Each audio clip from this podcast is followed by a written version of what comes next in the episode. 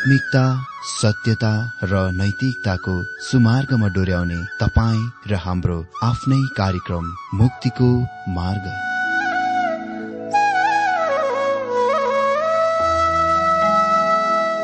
आदरणीय श्रोता यस मुक्तिको मार्ग कार्यक्रममा हार्दिक स्वागत छ। आशा छ यस आत्मिक कार्यक्रमद्वारा जीवनमा आत्मिक आशिष अलौकिक शान्ति र आनन्द प्राप्त गर्नुहुनेछ। र जीवनमा धन्य अनुभव गर्नुहुनेछ। आउनुहोस् श्रोता मन र आत्माको तयारीको लागि यो मिठो अनि मधुर भजन गीत सुनौ।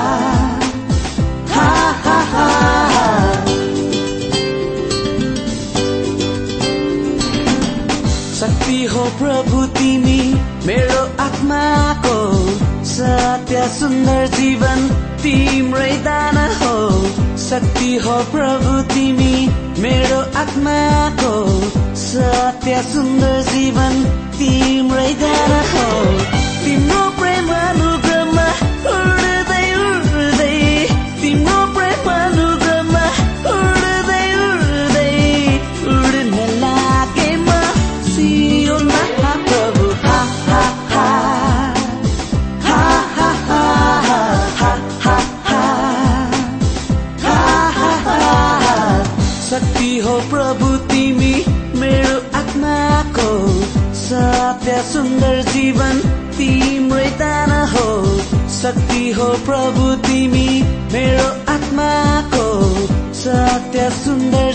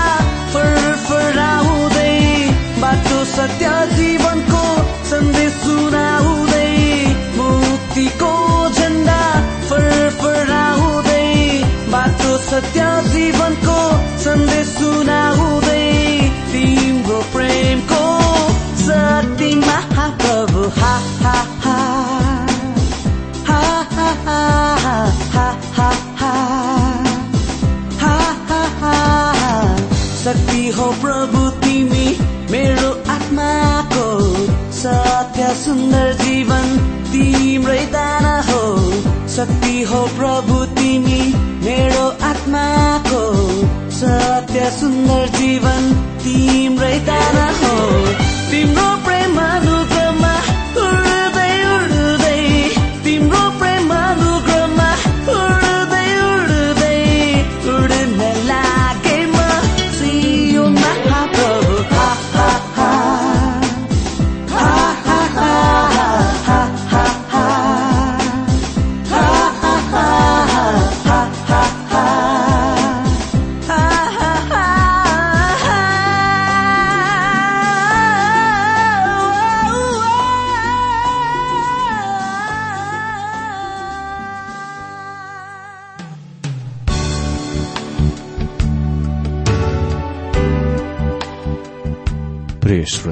यो प्रसारण मार्फत यो अवगत गराउन चाहन्छौ कि प्रभुको सेवाको लागि यहाँहरूको साझेदारी नित्यन्त आवश्यकता छ।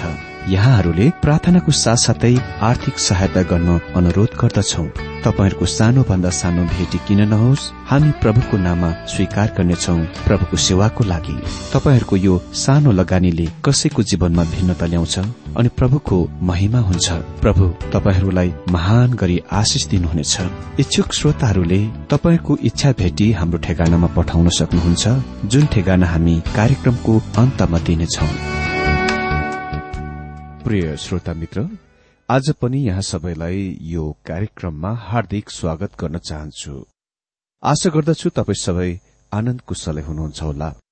श्रोता आज हामी पवित्र धर्मशास्त्र बाइबलको अध्ययन प्रकाश सात अध्यय नौदेखि सत्र पदसम्म अध्ययन गर्न गइरहेका छौं। यहाँ हामी मुख्य विषयको रूपमा देख्नेछौ। अन्य जातिहरूबाट उद्धार पाएकाहरूको ठूलो भीड़। प्रकाश सात अध्यय नौ र दशमा यस प्रकार लेखिएको छ। यसपछि कुनै मानिसले गर्न नसक्ने एउटा ठूलो भीड़ जो हरेक जाति सबै कुलहरू मानिसहरू र भाषाहरू बोल्नेबाट थियो। सेता पोसाक पहिरेर हातमा खजुरका हाँगा लिई सिंहासन र थुमाको सामुन्ने उभिरहेको मैले देखे। तिनीहरू उच्च स्वरले कराए सिंहासनमा विराजमान हुनुहुने हाम्रा परमेश्वर र थुमामा मुक्ति छ। यी कुराहरूपछि मैले हेरे।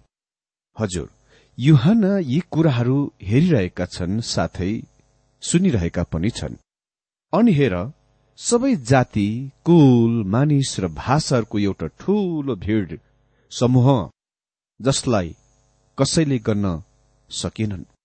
कसैले यो प्रश्न गर्ला के तपाईँले भन्न खोज्नु भएको तात्पर्य यो हो कि मानिसहरूले त्यस भीड़हरूलाई गर्न सकेनन् वा गर्न सक्दैनथे? यसले के भन्छ भने यी संख्यालाई कसैले गर्न सकेन अनि यसले कम्प्युटरको बारेमा केही पनि भन्दैन यसले भन्छ कि कसैले पनि यस भीड़लाई गर्न सकेनन् किनभने यो भीड़ अति नै ठूलो भीड़ हो। यस भीड़को संख्याहरूको बारेमा म कुनै किसिमको आँकडा दिन अन्दाज वा अनुमान गर्न चाहन्न र त्यो गर्न साहस पनि गर्दिन। तर यस भीड़को आकार निश्चय नै अति नै भयंकर विशाल छ। तिनीहरूको गन्ती गर्ने कुनै मानिसको काम होइन। यी मानिसहरू संसारका अन्य जातिहरूबाटका हरेक विभिन्न कुल जात भाषा भाषीहरू थिए। यसको मतलब महाक्लेश अवधिमा राज्यको सुसमाचार पूरा विश्वभरि प्रचार गरिनेछ। म यो कुरा दोहोऱ्याउन चाहन्छु कि यी एक लाख चौवालिस हजार महाक्लेशमा हुने साक्षीहरूले सात वर्षको अवधिमा त्यस्तो महान साक्षी दिने काम र मानिसहरूलाई प्रभुमा जित्ने काम गर्नेछन् जुन चर्च वा मण्डलीले दुई हजार वर्षदेखि अहिले वर्तमान समयसम्म गरेको छैन। हामी कोही पनि सुसमाचारीय प्रचार प्रसारमा र प्रचारकहरू पठाउने कार्यक्रममा गर्व नगरौं। हामी कोही पनि त्यति धेरै मानिसहरू कहाँ पुग्न र प्रभुमा तिनीहरूलाई जित्न सफल भइरहेका छैनौं। तर महाक्लेश अवधिमा त्यहाँ अति नै ठूलो मानिसहरूका भीड़हरू हुनेछन् जसले त्यस बेला उद्धार पाउनेछन्। यो मेरो आफ्नै निजी अनुमान र विचार राय होला कि मलाई लाग्दैन कि शास्त्रले कहीँ कतै यो बताएको छ भनेको छ। अह। किनभने प्रभुले आफ्नो मण्डली चर्चलाई पृथ्वीबाट आफै कहाँ नलगुन्जेलसम्म। भन्दा पहिले यो पूरा हुने छैन। यसको परिपूर्णता हुनलाई अझै बाँकी छ। तर यो मलाई यस्तो देखाइ पर्दछ कि मण्डली चर्चको स्वर्गीय यात्रामा लगिनुभन्दा अघि पहिले उहाँले संसारलाई सुसमाचार सुन्न अवसर दिइरहनु भएको छ। म विश्वास गर्दछु कि रेडियो यसको निम्ति एक औजार वा माध्यम हो जुनको प्रयोग गरिनेछ।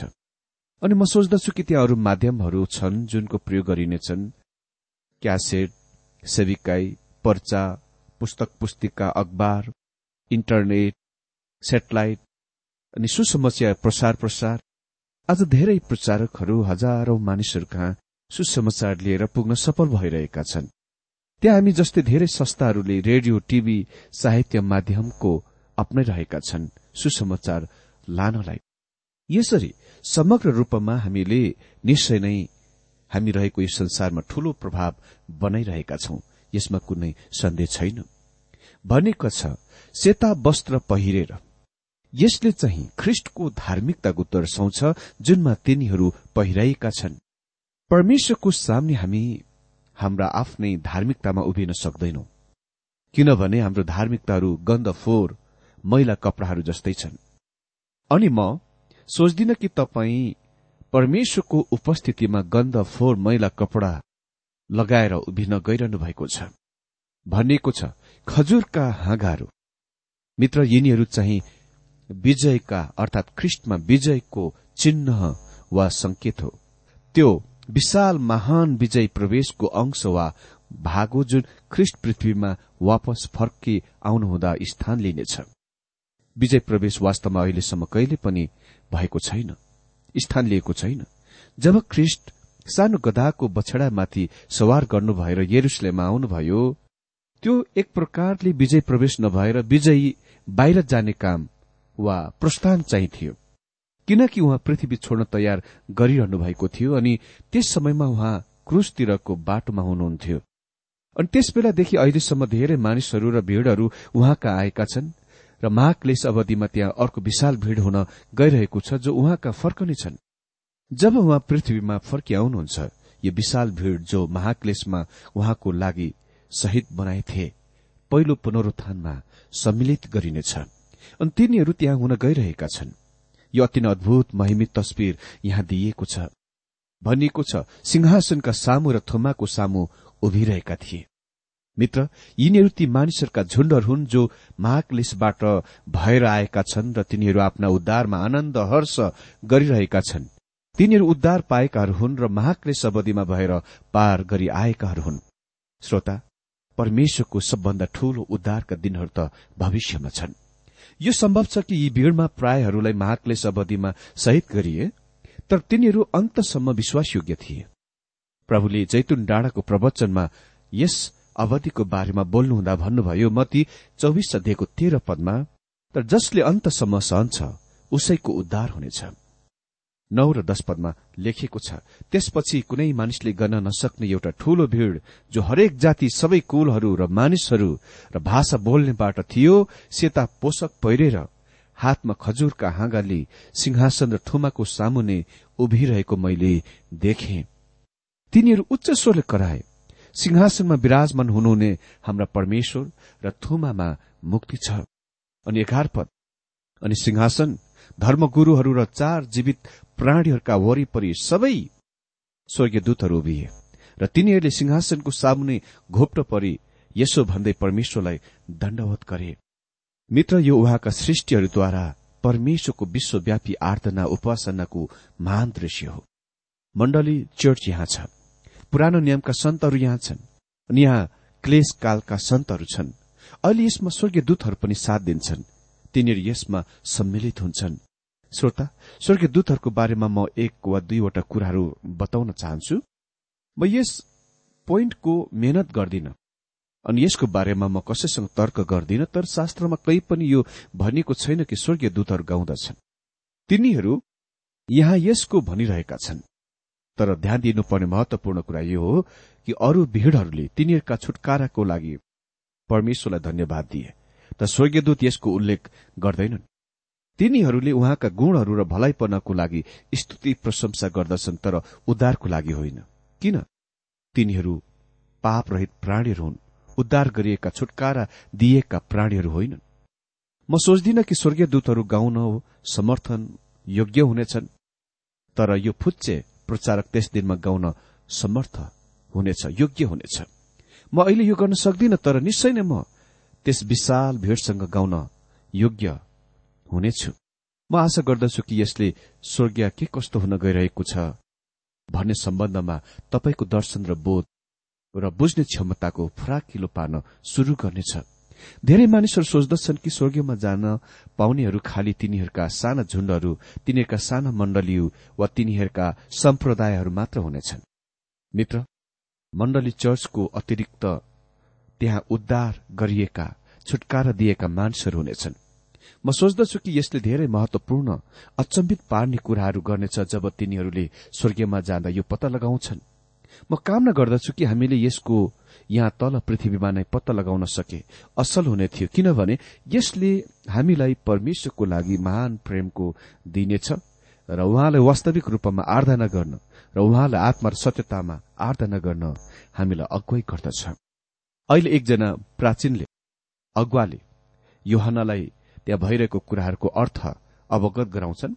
तेह्र र चौध पदमा यस प्रकार लेखिएको छ धर्मगुरू मध्ये एउटाले मलाई सोधे यी सेता पोसाक लाउनेहरू को हुन् र कहाँबाट आएका हुन्? अनि मैले तिनलाई भने हजुर तपाईँ नै जान्नुहुन्छ। तिनले मलाई भने यिनीहरू तिनै हुन् जुनहरू महासंकष्टबाट आएका हुन् र तिनीहरूले आफ्ना आफ्ना पोषकहरू थुमाको रगतमा धोएर सेता बनाएका छन्। यो शास्त्रको अति नै धेरै बोध दिने ज्ञान दिने अनुच्छेद हो। एकजना प्राचीन वा धर्मगुरू युहना कहाँ गएर भने युहना यी सेता वस्त्र पहिरेकाहरू को हुन्? अनि युहनाले भने हजुर तपाईँ नै जान्नुहुन्छ। अनि उसले मलाई भने तिनीहरू ती हुन् जो महासंकष्टबाट महाक्लेशबाट निस्केर आएका छन् अनि यिनीहरूले थुमाको रगतमा आफ्ना वस्त्रहरू धोएका छन् र आफ्ना वस्त्र सेता पारेका छन्। यदि यी मानिसहरू चर्च वा मण्डली भएदेखि युहानाले चिन्ने युहानाले आफ्ना दिनमा विश्वासीहरूलाई लेखे उसले चर्चको बारेमा जान्दथे उसले विश्वासीहरूको देहको बारेमा जान्दथे र उसले तिनीहरूलाई एक आपसमा बाँधी राख्ने एकतामा बाँधी राख्ने सिमेन्टको बारेमा लेखे अर्थात परमेश्वरको प्रेमको बारेमा। अनि परमेश्वरको प्रेमको मतलब हो तिनीहरूले एक आपसलाई प्रेम गर्नै पर्छ। तर युवाना जान्दैनन् कि यो भीड़ को हुन्। धर्मगुरू जो स्वर्गीयमा अहिले चर्चको प्रतिनिधित्व गर्ने वा प्रतिनिधिक हुन् तिनी जान्दछन् कि यो भीड़ चर्च होइन मण्डली होइन। यो बिल्कुलै बेग्लै अलगै भीड़ हो। यिनीहरू ती हुन् जो महासंकष्टबाट निस्केर आएका छन्। यसले तपाईँलाई यो बताउँछ कि चर्च मण्डली कहिले पनि महासंकष्ट क्लेशमा भएर जाने छैन। मित्र यो विशेष भीड़ हो जो सबै जाति कुल मानिस र भाषाहरूबाट आएका छन्। जो महासंकष्ट वा क्लेशबाट निस्केर आएका छन्। हामी त्यस्तो दिनमा रहेका छौं। परमेश्वर मानव जातिमा विभाजन बनाउनु हुनुहुन्छ। एउटा विभाजन चाहिँ निश्चय नै उदार पाउने र पापमा निन्दित गुमको बीचमा छ। यो मानव जातिको विशाल विभाजन हो। तर यदि तपाईँ मानव जातिको जातीय विभाजन वा दल विभाजन चाहनुहुन्छ भने परमेश्वरको वचनसँग यसको बारेमा भन्ने केही कुरा छ। पहिलो कुरन्ती दश अध्यय बत्तीस पदमा हामी पढ्छौं तिनीहरूले ठेस लाग्ने काम नगर न यहुदीहरूलाई न ग्रीकहरूलाई न परमेश्वरको मण्डलीलाई। पाउल कुरन्थियनहरूलाई भन्दछन् कि त्यहाँ तीन दल वा समूहहरू छन्। यहुदीहरू अन्य जातिहरू र परमेश्वरको मण्डली चर्च अनि तिनीहरूले यी कुनै एक समूह वा दललाई ठेस लाग्ने काम गर्नु हुँदैन। यो एक विभाजन हो शास्त्रले मानव जातिको सम्बन्धमा बनाउँछ। यहुदीहरू अन्य जातिहरू र परमेश्वरको मण्डली छ। यो नै विभाजन आज पनि मानव परिवारमा सञ्चालनमा छ। महाक्लेशमा हामी त्यस्तो अवधिमा आउँदछौ त्यहाँ खालि दुई समूह वा दल मात्र हुन्छन् यहुदीहरू र अन्य जातिहरू। परमेश्वरको मण्डली कहाँ हुन्छ त? भन्दा त्यो उहाँसँग गइसकेको हुनेछ र उहाँसँगै हुनेछ। प्रभु येशुले युहना चौधको दुई र तीन पदमा भन्नुभयो मेरो पिताको घरमा बस्ने ठाउँहरू धेरै छन्। त्यसो नभए के म तिमीहरूलाई भन्ने थिएँ? कि तिमीहरूको निम्ति ठाउँ तयार पार्न म गइरहेको छु। अनि गएर मैले तिमीहरूको निम्ति ठाउँ तयार पारेपछि म फेरि आउनेछु र तिमीहरूलाई म कहाँ लैजानेछु जहाँ म छु त्यही तिमीहरू पनि हुनेछौ। चर्च मण्डली स्वर्गीयमा प्रभुसँग हुन गइरहेको छ र गइसकेको छ। पहिलो कुरन्ती बाह्रको बाह्र पदमा पावल भन्छन् किनकि एउटै पवित्र आत्माद्वारा हामी सबैले एउटा शरीरमा बत्तीसमा पाएका छौं। यहुदी वा ग्रीक कमारो वा फुका हामी सबैलाई एउटै पवित्र आत्माबाट पिउन दिइयो। परमेश्वरले आज दुई दल दुवै यहुदी र अन्य जातिबाट आफ्नो नामको खातिर आफूतिर मानिसहरूलाई बोलाइरहनु भएको छ। अनि आज पूरा संसारमा ठूलो संख्यामा मानिसहरू उहाँका आइरहेका छन्। अनि उहाँका आउनेहरू अर्कै दल हुनेछ जसलाई मण्डली भनिन्दछ। अनि त्यो चर्च वा मण्डलीलाई पृथ्वीबाट उठै लगिनेछ महाक्लेशको अवधिमा। योहनाले एकदम स्पष्ट बनाउँछन् उसले स्वर्गीयमा देख्ने यो समूह दल चर्च वा मण्डलीबाट एकदम अलगै वा बेग्लै छ। तिनीहरू महासंकष्ट वा क्लेशबाट निस्केर आए यो कुरा याद राखौं कि यो महाक्लेश वा महासंकष्ट भन्ने शब्द प्रभु येशुले स्वयंले दिनुभएको हो। यस अवधिलाई उहाँ स्वयंले महासंकष्ट वा महाक्लेशको उपाधि वा नाम दिनुभयो। मती चौबिस अध्यायको एक्काइस पदमा उहाँ भन्नुहुन्छ किनकि त्यस बेला त्यस्तो महासंकष्ट हुनेछ जो जगतको शुरूदेखि अहिलेसम्म भएको छैन न त फेरि कहिले हुनेछ। जब युहानलाई एकजना प्राचीनद्वारा धर्मगुरूद्वारा सोधिन्दछ उसले यो विशाल भीड़लाई चिन्न सक्दैनन् युहानले यस भीड़को चिन्ने थिए। यदि तिनीहरू चर्च वा मण्डली भए तर त्यो त्यस्तो कुनै कुरो होइन। यदि तिनीहरू पुरानो नियमका सन्तहरू वा इसरायलीहरू भए मलाई लाग्छ कि युहानले त्यसको चिन्ने थिए। यस भीड़ वा झुण्डलाई उनी कति पनि चिन्दैनन्। तिनीहरूलाई उद्धार वा छुटकारा पाइएका अन्य जातिहरूको रूपमा पहिचान गरिएका छन् जो महासंकष्टबाट महाक्लेशबाट निस्किआएका छन्। तिनीहरूका वस्त्रहरू सेता जुनले ख्रिष्टको धार्मिकताको बताउँछ। तिनीहरूले कसरी त्यस धार्मिकताको पाए त? ख्रिस्टले आफ्नो रगत बहाउनु भएकोले गर्दा तिनीहरूले धार्मिकता पाए। तपाईँ र म परमेश्वरको सामुन्ने उभिन्न सक्ने एउटै मात्र आधार छ कारण छ त्यो ख्रिस्टले हाम्रा पापहरूको ज्याला तिर्नुभयो। वा मर्नुभयो ताकि तपाईँ र म बाँच्न सकौं। अनि यो यस महा झुण्डको वा दलको निम्ति पनि बिल्कुल सत्य छ बिल्कुल लागू छ। परमेश्वरसँग मानव जातिलाई उद्धार गर्ने खालि एउटै मात्र बाटो छ आधार छ। यो सधैँको लागि सत्य छ। यो प्रभु येशु ख्रिस्टको पुनरुत्थान र मृत्युमा विश्वासद्वारा हो। पावलले लेखे पहिलो कुरन्ती पन्ध्र दिएको एक र दुई पदमा अब हे भाइहरू हो जुन सुसमाचार मैले तिमीहरूलाई प्रचार गरे त्यही म तिमीहरूलाई बताउँछु। त्यसलाई नै तिमीहरूले ग्रहण गरेका छौ र त्यसैमा तिमीहरू उभिन्छौ। त्यसैद्वारा तिमीहरूले मुक्ति पनि पाउँदछौ। यदि तिमीहरूले मैले प्रचार गरेको वचन बलियो गरी पक्रिराख्यौ भने नत्र तिमीहरूले व्यर्थमा विश्वास गर्यौ। अर्को शब्दमा यदि तपाईँको विश्वास रित्तो खाली विश्वास भए मतलब तपाईँको विश्वास सुसमाचारमा राखिएको आधारित छैन भने तपाईँ उद्धार पाउनु भएको छैन। पाउल निरन्तर आफ्नो कथनलाई जारी राख्छन्। पहिलो कुरन्ती पन्ध्र अध्याय तीन र चार पदमा किनकि सबैभन्दा पहिले मैले तिमीहरूलाई त्यही कुरा सुम्पिदिए जुन कुरा मैले पनि पाएको थिएँ। अर्थात पवित्र शास्त्रहरू मुताबिक ख्रिष्ट हाम्रा पापहरूको निम्ति मर्नुभयो गाडिनुभयो अनि पवित्र शास्त्र मुताबिक वा तेस्रो दिनमा बौरी उठ्नुभयो।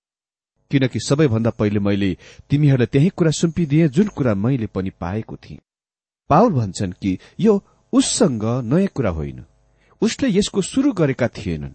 यो उसलाई तब दिइएको थियो जब प्रभु येशुले उसलाई अरबियन मरूभूमिमा साढे दुई वर्ष सिकाउनुभयो।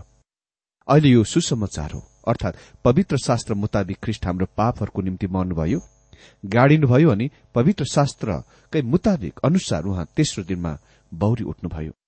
सुसमाचारले भन्दैन कि परमेश्वर तपाईँलाई केही वा कुनै काम गर्न भनिरहनु भएको छ। बरु सुसमाचारले भन्दछ कि परमेश्वरले तपाईँको निम्ति केही काम गरिसक्नु भएको छ।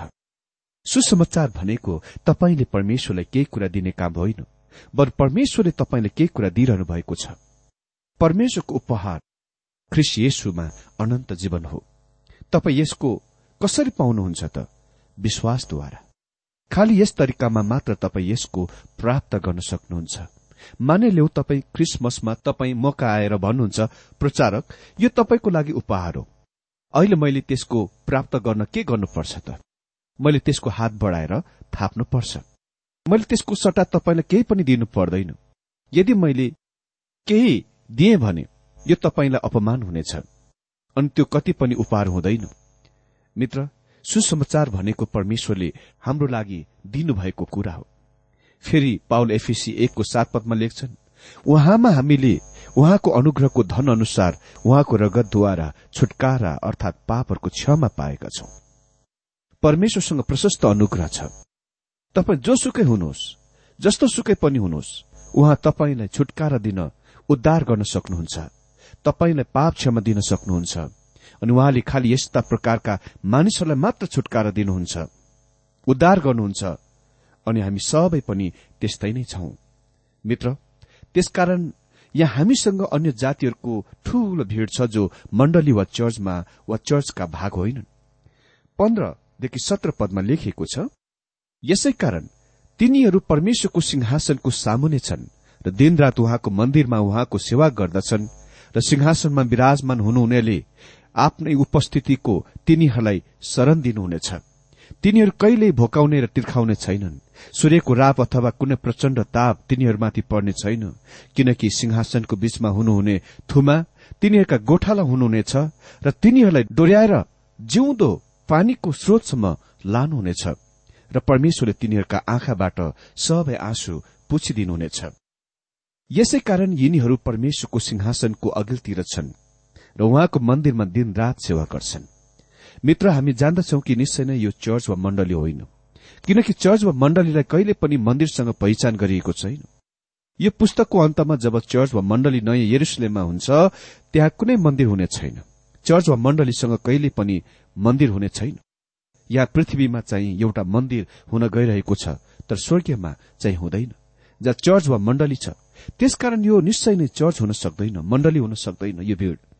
अनि जो सिंहासनमा बास गर्नुहुन्छ उहाँ यिनीहरूका बीचमा बास गर्नुहुनेछ। हेर्नुहोस् त यो चाहिँ तिनीहरूको सुरक्षाको लागि हो। यो भीड़ले यसको प्राप्त गरेका छन् अनुभव गरेका छन्। तिनीहरू महासंकष्टमा भएर गएका छन्। म विश्वास गर्छु कि तिनीहरू प्राय जसो शहीदहरू थिए र ख्रिस्टको लागि आफ्नो जीवनहरू अर्पण गरे दिए यद्यपि हामीलाई यसको बारेमा निश्चित गरेर नभनिए तापनि तिनीहरूलाई स्वर्गीयमा परमेश्वरको सिंहासनको सामने हुने कुराको पेश गरिएको छ। अहिले यहाँ उल्लेख गरिएका कुराहरू चाहिँ तिनीहरूले सहेका कुराहरू हुन्।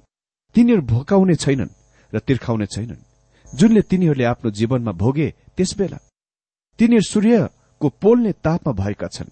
तिनीहरू आत्मिक कुराहरूको लागि तिर्खाएका जुन तिनीहरूसँग थिएन। अनि तिनीहरू रोए तर अहिले परमेश्वरले तिनीहरूका आँखाहरूबाट हरेक आँसुहरू पुछिदिनुहुनेछ। थुमाको रगतको कारणले तिनीहरूले महाकले संकष्टको पार गरे। यो अद्भुत महान भीड़ हो जुन यहाँ हामी कहाँ प्रस्तुत गरिएको छ। मेरो मित्र प्रभु येशुसँग अर्को भेडा छ। उहाँले आफ्नो चेलालाई भन्नुभयो अनि यो तिनीहरूको निम्ति बुझ्न एकदम कठिन थियो। मसँग अरू अरू भेडा छ जुनको बारेमा तिमीहरू कति पनि जान्दैनौ। तिनीहरू यस बगालका होइन। उहाँले आज उही कुरा चर्चका सम्बन्धमा पनि भन्न सक्नुहुन्छ। मसँग अर्को अरू भेडा छ जुनको बारेमा तिमीहरू कति पनि जान्दैनौ। यो अन्य जातिहरूको भीड़ अर्को अरू भेडाहरू मध्येकोहरू हुन् जो उद्धार पाउनेछन् छुटकारा पाउनेछन् तर तिनीहरू चर्च वा मण्डलीको कुनै भाग होइनन्।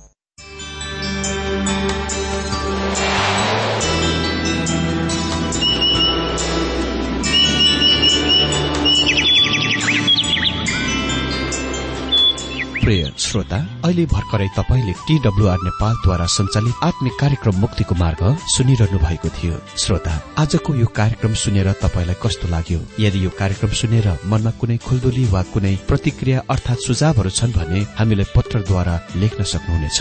हामी हृदयदेखि नै स्वागत गर्नेछौ स्वीकार गर्नेछौ साथै बाइबल सम्बन्धित प्रचारहरू कार्यक्रम सारणीहरू हामी अनुरोधमा पठाउन सक्छौ। अनि तपाईँसँग कुनै प्रार्थनाको विषय छन् भने हामीले तपाईँको लागि प्रार्थना गरेको चाहनुहुन्छ। भने प्रभुमा आफ्नै परिवार सम्झेर हामीलाई पत्रमा लेख्न सक्नुहुनेछ। तपाईँको लागि हामी प्रभु येशुसँग प्रार्थना गर्नेछौ। अधिक जानकारी र पत्रचारको लागि हाम्रो ठेगाना यस प्रकार छ।